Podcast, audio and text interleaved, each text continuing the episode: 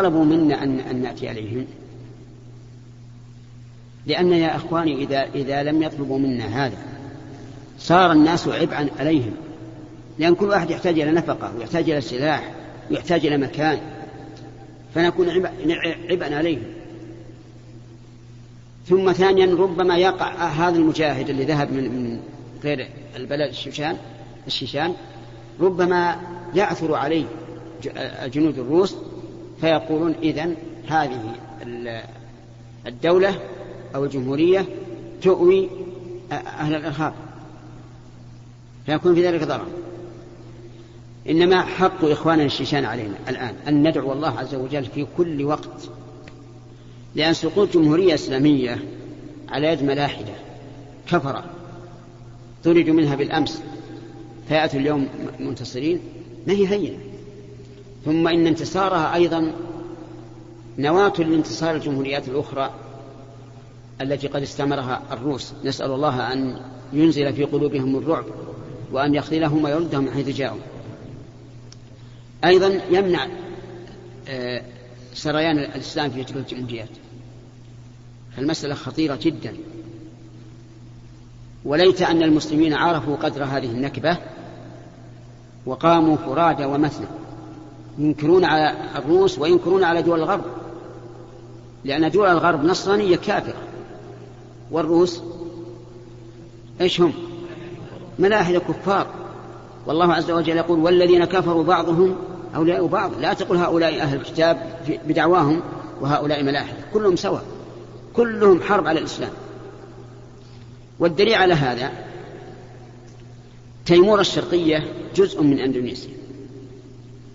لكن غالبها نصارى. لما حصل ما حصل من الانتخابات ثارت الأمة الغربية كلها بأسطولها الجوي والبحري والأرض. من أجل تحقيق انفصال هذه هذا الجزء عن إندونيسيا المسلمة. شوف كيف. ها الشيشان الآن؟ دولة مستقلة. تضرب بها الروس الآن نعم. تقود الفتيات إلى الفجور والفتيان إلى المذابح ولم يتكلموا بشيء. لكن نحن ما نشرح على الكفار دول. كفار كفار. اللي نشرح عليه هم الدول الإسلامية. وين عن هذا ولهذا كان الواجب على الدول الإسلامية أقولها وأرجو الله أن يصل كلامي إلى إلى أسماعهم الواجب عليهم أن ينفروا خفافا وثقالا إلى نصرة هؤلاء. ولو بالكلام. أما السكوت هكذا ولا, ولا كان شيء. كان هو الله مزعج. وليس يعني حزننا أن تهزم دولة مقابل دولة. حزننا أن هذا هزيمة الإسلام لأن الروس ما تسلطوا هذا التسلط إلا خوفا من من الإسلام. والدول الغربية قاتلها الله وأذلها وأخزاها ما سكتت عن الروس أن تفعل ما تفعل إلا أنها إلا أن في ذلك القضاء على الإسلام. مع أننا لا ندري لأن أسمع أن اليهود يساعدون الروس على على القتال هذا. ولا يستبعد اليهود أعداء واضح أقول علينا الآن أن ندعو الله عز وجل في السجود وبين الأداء والإقامة وفي آخر الليل ويوم الجمعة إذا جاء الإمام حتى تنتهي الصلاة أن الله ينصر إخواننا الشيشان ويذل هؤلاء الكفرة. الله المستعان. نعم. أحسن الله عليك يا شيخ. شيخ أحسن الله عليك يا شيخ. يلا رتبهم أنت يا موسى. لا لا ابدا ما ما نرخص له ما نرخص لأحد هذا عنده يا شيخ عنده إلا على الدور. عنده نعم. يلا. سؤال يقوم بعض البنوك الربوية ببرنامج اقساط السيارات لموظفي بعض الدوائر الحكومية ويشترطون على الموظف ويشترطون على الموظف تحويل الراتب للبنك أو يختم على الشيك مناوة للبنك حفظا لحقهم وبعد ذلك يحق للموظف التصرف في راتبه. فما الحكم؟ ولكن كيفية البيع؟ كيف البيع أن يكون عليه على هؤلاء؟ سيارة يملكون سياراتهم. السيارات عندهم موجودة؟ أي نعم. لا طيب. في معرض معرض يقول تبعنا لا بأس. يعني مثلا يقول اشتري من المعرض السيارة نقدا بخمسين ألف. نعم. ومؤجلا بسبعين ألف مثلا. هنا نعم. ولكن نبي نرهن الراتب بحيث يحول علينا علشان نخصم القسط. إي نعم. ليس في هذا شيء يقول هذا جائز ما في شيء. ما في شيء. ما يكون معاونة معهم يا شيخ على إيش؟ ما يكون معاونة معهم على الإثم يا شيخ. إذا كانت ما ما تبي تعاونهم لا لا تشري منهم أصلا. لكن الحكم أنه جائز. الحكم جائز. مو بالرسول عامل اليهود قبل هديتهم وباع واشترى معه. لكن اليهود كان مسلم يا شيخ. ها؟ مو بالحكم الربا للمسلمين. ها؟ الربا ما يكون للمسلمين يعني. اليهودي كافر ولا مسلم؟ والله ما أدري كان كافر مسلم احد كافر مو كافر يا شيخ أكفر من كافر. إي نعم لكن آه، لا ذنب. نعم إيش؟ أنا أقصد الربا على المسلمين. يا شيخ الربا حرام على المسلم وغير المسلم. لكن نقول الكافر لا ذنب له. لا لا كما ذنبه لكن هل يعاقب؟ إذا يعاقب. الكافر يعاقب مو على الحرام فقط. نعم. يعاقب حتى على ثيابه اللي يلبس. وأكل اللي يأكل. ألم تسمع قول ربك؟ ليس على الذين آمنوا وعملوا الصالحات جناح فيما طعموا والذين لم يؤمنوا ولا يعملوا الصالحات؟ عليهم جناح ولا لا؟ عليهم جناح. ألم تسمع قول ربك؟ قل من حرم زينة الله التي أخرج لعباده والطيبات من الرزق. قل هي للذين آمنوا في الحياة الدنيا خالصة يوم القيامة. والذين غير الذين آمنوا ما هي لهم في الدنيا؟ حرام عليهم. ولا هي بخالصة يوم القيامة. سيجزون عليها. الآن لا تظن أن الكافر يشرب شربة ماء إلا يحاسب عليها ويعاقب عليها أو يأكل لقمة من العيش إلا يحاسب عليها أفهمت؟ طيب. شيخ حفظكم الله. الآن الناس توسعوا بارك الله فيك يا شيخ في في مسألة التصوير في الفيديو. أي نعم. وحتى صوروا النساء والبنات ما اللاتي قريبات من البلوغ. وهذا يباع حتى في التسجيلات يا شيخ حفظ عجيب آه، يعني بنات فوق العشر سنوات تنشد الأناشيد وبحجة أن هذا التصوير جائز. ويوجد الآن بارك الله فيك يا شيخ في التسجيلات الإسلامية صور لبعض المشايخ الذين توفيوا مثل الشيخ باز في التصوير في الفيديو. وقد سمعنا أن الشيخ ابن باز رحمه الله أنه منع التصوير وقال لا أسمح لأحد أن يصوره. فما رأيكم شيخ؟ لأن إذا ناقشنا بعض الإخوان في هذه المسألة قال هل أنت أعلم من الشيخ ابن عثيمين لقد أجاز التصوير في الفيديو. نعم. فجزاكم الله خير. صحيح. أنا أجيز التصوير في الفيديو. ولا عندي فيه إشكال. وأجيز الخبز يأكله الواحد إذا بغى يتغدى ولا عندي فيه إشكال. سمعت يا أخي؟ طيب. لو أن أحدا أكل الخبز يستعين به على على المحرم. لا يجوز؟ طيب إذا أجز إذا أجزنا التصوير الفوتوغرافي هل معناه نجيزه في كل شيء؟ هذا الناس لا أنا بعلمك. أرد عليهم. رد عليهم. قل إن الذي أبح هذا يقول هو كغير من المباحات إذا اشتمل على محرم صار حراما. ولهذا نحن ننهى ونشدد في تصوير حفلات الزواج. لأن تخرج النساء. بالكاميرا وهذا محرم. بل أنا أمنع من تصوير النساء مطلقا في الفيديو. ليش؟ لأن ما نأمن أن تكون هذه المرأة جميلة وكل واحد يعرضها على الناس. بالشريف. يقول شوف هذه وش تقول بها المرأة هذه؟ هذه ملكة الجمال. قال لا في واحدة ما ثاني ملكة الجمال أحسن منها. وين شوف الفيديو اللي عندي. وهكذا يتلاعبون بالنساء. لا هذا ما ممنوع. أفهمت؟ أثبت تصوير الأموات أن كانوا بيحفر قبر ويصوروا هذه ما يجوز. هذا مصور في حياته. لكن قال عرضه عرض صورته بعد موته. ما هم لا تصوير الأموات؟ ما ما أرى فيها بأس إلا نخيف فتنة. نخيف فتنة كقوم نوح فهذا تمنع يعني لو لو خيف مثلا إنه إذا صور هذا الشخص العابد أو العالم إنه يبقى تذكار عند الناس ويدعي إنه كل ما كسل في العبادة راح يناظر صورته هذا حرام ما في أشكال. ويجب إتلافها فورا. أي نعم. إذا صار إنه من عرض الناس اللي صوروا ولا يأبه به الإنسان ولا يهمه. ما في شيء. ما في سؤال. ما في سؤال جزاك الله خير. لا ما هو تابع تابع يقول هو. نعم. بارك الله فيك. ما حكم الانتقال من مدينة إلى مدينة بالنسبة للموظفين مع إعطاء عوض للآخر من أحدهما؟ نعم. يعني التبادل قصدي إذا. إذا سمحت الجهات المسؤولة فلا بأس. لأن هذا تنازل عن حق حق معلوم والجهة المسؤولة التي هي تطالب بالحق سامحا ما فيها شيء نعم. بارك الله فيك. دبر يا موسى. بالنسبة للبنوك يا شيخ. نعم. عندهم؟ السؤال الذي قبل قليل. بالنسبة للبنوك نعم. لا يملكون السيارات يا شيخ. إيه؟ إنما يقولون اذهب إلى المعرض وهات ثمن السيارة وهكذا. هذه لا تجوز هذه حرام. يعني مثلا يجي إنسان لشخص تاجر بنك ولا غيره يقول أنا ابي سياره وأنا ما عندي فلوس. قال رح شوف المعرض اللي تبي وأعطني إياه وأنا أشتريها من المعرض ثم أبيعها عليك. هذه حرام. هذه أشد من يكون يقول خذ هذه خمسين ريال خمسين ألف ريال بستين ألف. لأنه لا أعطاه خمسين ألف ريال يشتري بها السيارة بستين ألف إلى سنة.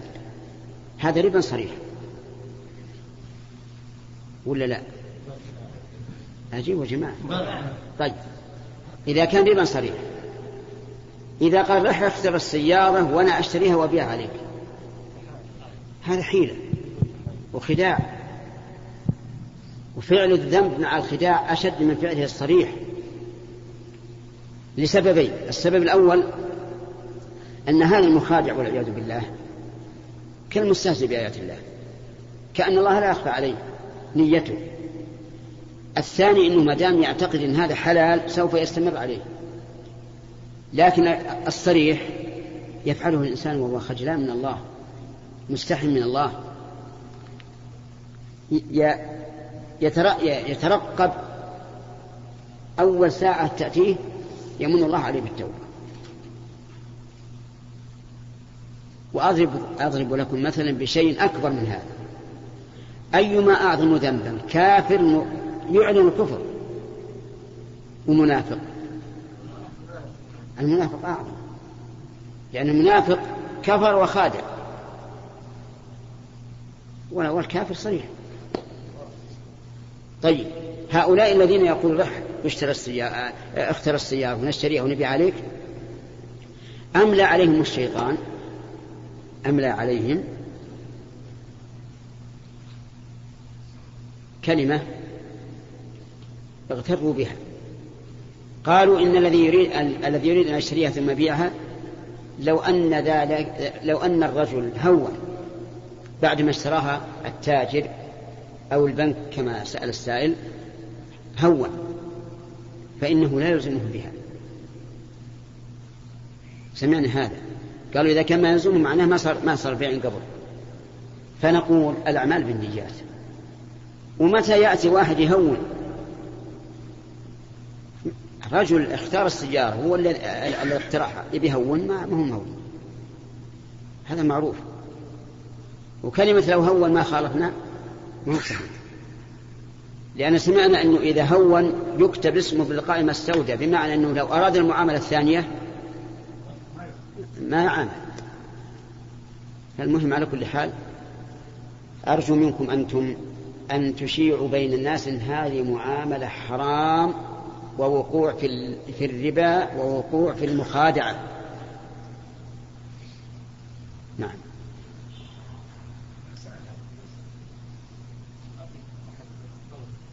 بارك الله فيك شراء السيارة وهي في المعرض.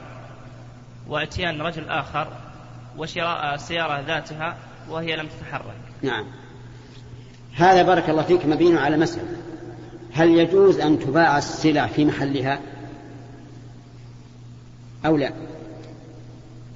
بعض العلماء يقول يجوز إذا قبضها المشتري ولو بقيت في المكان وبعض العلماء يقول هذا خاص في الطعام. خاص في الطعام. يعني البر والرز وما أشبهه.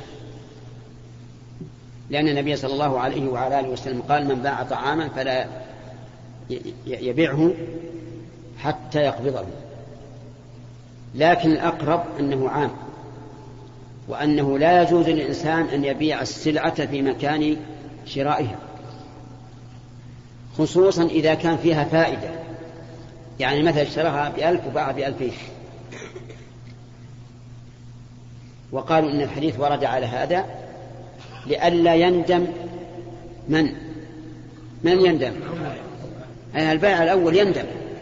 يندم ويصير بقلبه شيء على المشتري. فتقول له نفسه هذا الرجل خدعك. اشتراها بألف وشبعها بألفين؟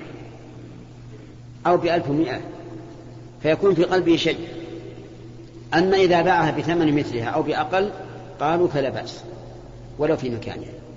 لكن لا شك أن الورع وتمام التقوى أن لا تبيعها حتى تؤويها إلى رحلك. نعم. نعم. شيخ بارك الله فيك. شخص لديه من البنات 11 بنت وسبعة أولاد. أعطى البنات مزرعة. والأولاد ما أعطاهم شيء. نعم. هل الأولاد كبار أو صغار؟ نعم كبار يا شيخ. كبار. هل سمحوا بهذا؟ ما إلى الآن. على قيد الحياة الوالد. إيه أقول هل سمحوا؟ يعني لو قال لهم يا أولادي أنا أعطيت خواتكم كذا وكذا. سمحوا نعم. تسمحون أو لا؟ سمحوا. سمحوا عن طيب نفس؟ نعم. ما في شيء. طيب ما لهم شيء الأولاد للتقسيم يعني؟ لا إذا ما تقسم التركة حسب فرائض الله. جزاك الله خير. سمعنا حفظكم الله من الآيات ما يرغب في الزهد في الدنيا فإذا ترك الإنسان الفرص التجارية وهي أمامها بهذا بهذه النية فهل يثاب إذا تركها عمدا وهو يرى أنها تكسبه؟ والله شوف بارك الله فيك الزهد ما هو ترك البيع والشراء لأن الله عز وجل أمر بالبيع والشراء فقال عز وجل فإذا قضيت الصلاة يعني صلاة الجمعة. فانتشروا في الأرض وابتغوا من فضل الله. واذكروا الله كثيرا. مع أنه قبل قال إذا نودي للصلاة من يوم الجمعة فاسعوا إلى ذكر الله وذروا البيع. إذا بماذا نبتغي من فضل الله إذا قضيت الصلاة؟ بالبيع والشراء. في البيع والشراء ما في بأس. الزهد ترك ما لا ينفع في الآخرة. هذا الزهد. والورع ترك ما يضر في الآخرة فهمت؟ فإذا باع الإنسان واشترى بنية أن يبتغي من فضل الله بنية أن يستغني بما أعطاه الله عن سؤال الناس وتكففهم بنية أنه ينفق على أولاده وعلى أهله بنية أن أنه يتصدق مما أعطاه الله. صار هذا زهدا. صار هذا زهدا لا تظن الزهد أن الإنسان يلبس ثياب الرديئة نعم ومشلح الردي ويرسل على السيارة الرديئة ويترك مثلا البيوت التي تناسب حاله. لا. الزهد هذا كما قال شيخ الإسلام أو ابن القيم ترك ما لا ينفع في الآخرة. نعم. المهم خلوا يبيع ويشتري بهذه النية الطيبة. أن يكف نفسه عن الناس وأن يقوم بنفقة من ينفق عليه وأن يتصدق. نعم. اليمين. أحسن الله عليك يا شيخ. شراء السيارة بالتقسيط المنتهي بالتمليك. وش معنى شراء السيارة بالتقسيط المنتهي بالتمليك؟ وبمجرد ما يشتريها ت... بمجرد ما يشتريها يملكها. طيب قل لي قل لي الأجار المنتهي بالتمليك وشلون يعني؟ وشلون؟ يعني تكون باسم الشركة آه. وما تكون باسم المشتري حتى ينتهي من جميع الأقساط. ينقلونه بعدين باسمه. يعني معناه بيع معلق. أي نعم. البيع المعلق ما يجوز. ولكني أقول لك المسألة الآن تحت أنظار هيئة كبار العلماء وهي محل بحث. وبعد أن يبحث إن شاء الله يتبين يفتون بما يرشدهم الله إليه. إن أصابوا فلهم أجران وإن أخطأوا فلهم أجر. يعني انتظر حتى تخرج الفتوى. عن قريب إن شاء الله. شرع؟ ما يحاول أن ينقذ قيمتها الآن ويفتك منهم؟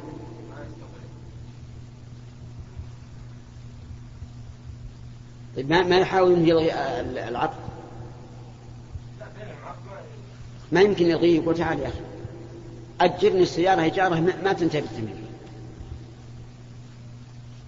لأنه فرق بين بين الإيجار وبين الملك. الآن مثل إذا صارت السيارة تحت يدي بالتأجير وتلفت.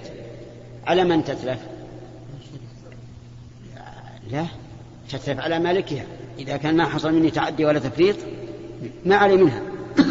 لكن لو كانت ملكة تلفت عليه أنه خلاص أنا أعطي الرجل ثمنها كاملة سواء تعديت أو ما تعديت فرطت أو ما فرطت نعم.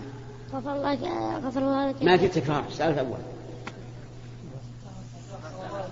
وين اللي يسأل الآن؟ أي أنا حسب هذا. نعم يلا. غفر الله لك يا شيخ. ما حكم الشخص ما حكم إيش؟ الشخص اللي ينقض نقض من البول اللي ينقض نقض من البول وهو في وقت وهو في الصلاة آه وهو في مرض مثلا ما حكمه؟ هل هل يترك الصلاة ويرجع يتوضأ؟ وش ما فهمت ها؟ ها يعني ما يمسك البول إذا كان هذا الرجل ما يمسك ما يمسك أبدا كل ما جاء البول نزل سواء هذا يصلي ولو نزل منه البول ها؟ لا بعد شخص يعني يمكن يتحمل يمكن بعض الأحيان لا يمكن يمكن يتحمل ويمسك البول. إيه؟ يمسك البول لين يصلي ويخفف الصلاة حتى لو مع الإمام ينفصل عن الإمام ويسرع بالصلاة وينتهي. ولما قلنا وينتهي انتهى المجلس. سيكون إن شاء الله تعالى إلى مجلس قادم. لأنه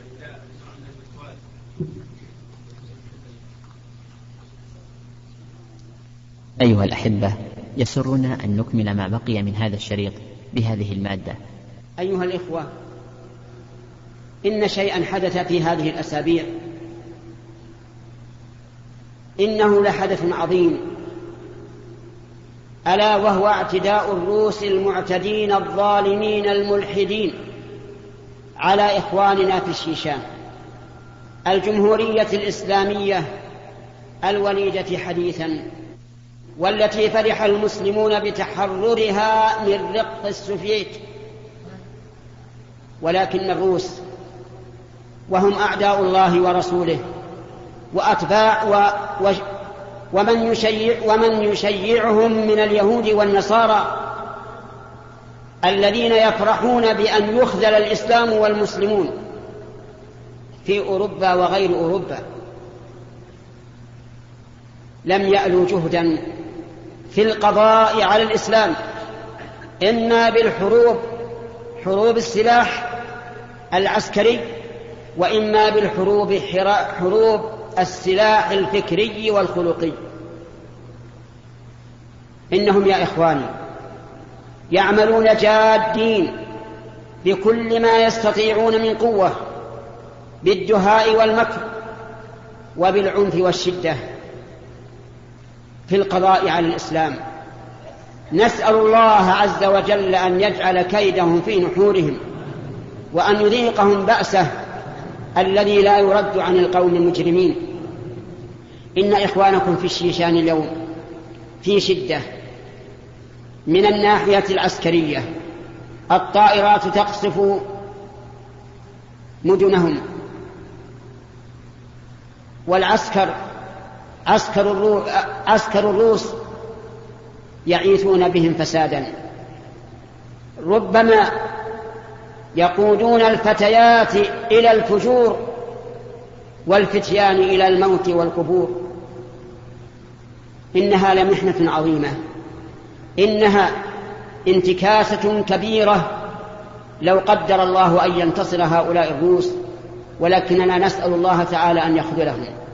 وأن يبدل قوتهم ضعفا وعزهم خذلانا وغناهم فقرا وأن يسلط عليهم من يخذلهم بمنه وكرمه. المطلوب منكم اليوم أن تدعوا الله لهم. ألي إخوانكم الشيشان في كل موطن إجابة وفي كل حال إجابة وفي كل وقت إجابة. تحروا أوقات الإجابة وأماكن الإجابة وأحوال الإجابة. وادعوا لإخوانكم الشيشان أن ينصرهم الله وأن يرد الفارين منهم إلى بلادهم وأن يخذل أعداءهم الروس ومن شايعهم من اليهود والنصارى في أوروبا وغيرها. ادعوا الله فإن الله تعالى سميع الدعاء. وإن الله تعالى يقول وإذا سألك عبادي عني فإني قريب أجيب دعوة الداعي إذا دعان فليستجيبوا لي وليؤمنوا بي لعلهم يرشدون. تصوروا إخوانكم المرأة في المرأة تحمل طفلها الرضيع وتقود طفلها الصغير. الشيخ يمشي على عصاه لا يدري أين يذهب.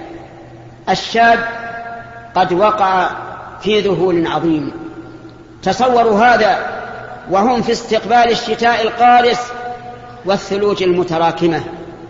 ثم صوروا أنفسكم في مقامهم ماذا تكون حالكم أيها الناس؟ نحن الآن والحمد لله في رخاء ونعمة ودفء وبرودة. نحن آمنون. عندنا والحمد لله كل نعمة ولكن المؤمن يتصور نفسه وكأنه إخوانه الذين اعتدى عليهم هؤلاء الطغاة. أيها الإخوة ادعوا الله لهم في حال السجود في جميع الصلوات. ادعوا الله لهم في آخر الليل فإن الله ينزل إلى السماء الدنيا ويقول من يدعوني فأستجيب له من يسألني فأعطيه من يستغفرني فأغفر له. ادعوا الله تعالى لهم أي لإخوانكم الشيشان بين الأذان والإقامة فإن, فإن الدعاء بين الأذان والإقامة حري ألا يرد كما جاء به الحديث. وأقرب ما يكون العبد من ربه وهو ساجد فأكثروا فيه من الدعاء فقمن أن يستجاب لكم. لا تنسوا إخوانكم. لا تنسوا إخوانكم. لا تنسوا إخوانكم. شاركوهم في الآلام والآمال. واعلموا أن الله على كل شيء قدير. لا يغرنكم قوة الروس فتيأسوا من رحمة الله. فإن الله تبارك وتعالى أشد منهم قوة. ولما استكبرت عاد في الأرض وقالوا من أشد منا قوة؟ قال الله عز وجل أولم يروا أن الله الذي خلقهم هو أشد منهم قوة. اللهم إنا نسألك في مقامنا هذا ونحن في انتظار فريضة من فرائضك. نسألك اللهم أن تنصر إخواننا الشيشان وأن تبقيهم في حريتهم في دينهم. ونسألك اللهم أن تخذل الروس وأن تردهم على أعقابهم خائبين. اللهم اخذلهم وارددهم على أعقابهم خائبين. اللهم أبدلهم بعد العز ذلا وبعد القوة ضعفا وبعد الغنى فقرا وبعد الاجتماع الظاهري تفرقا وتمزقا. إنك على كل شيء قدير.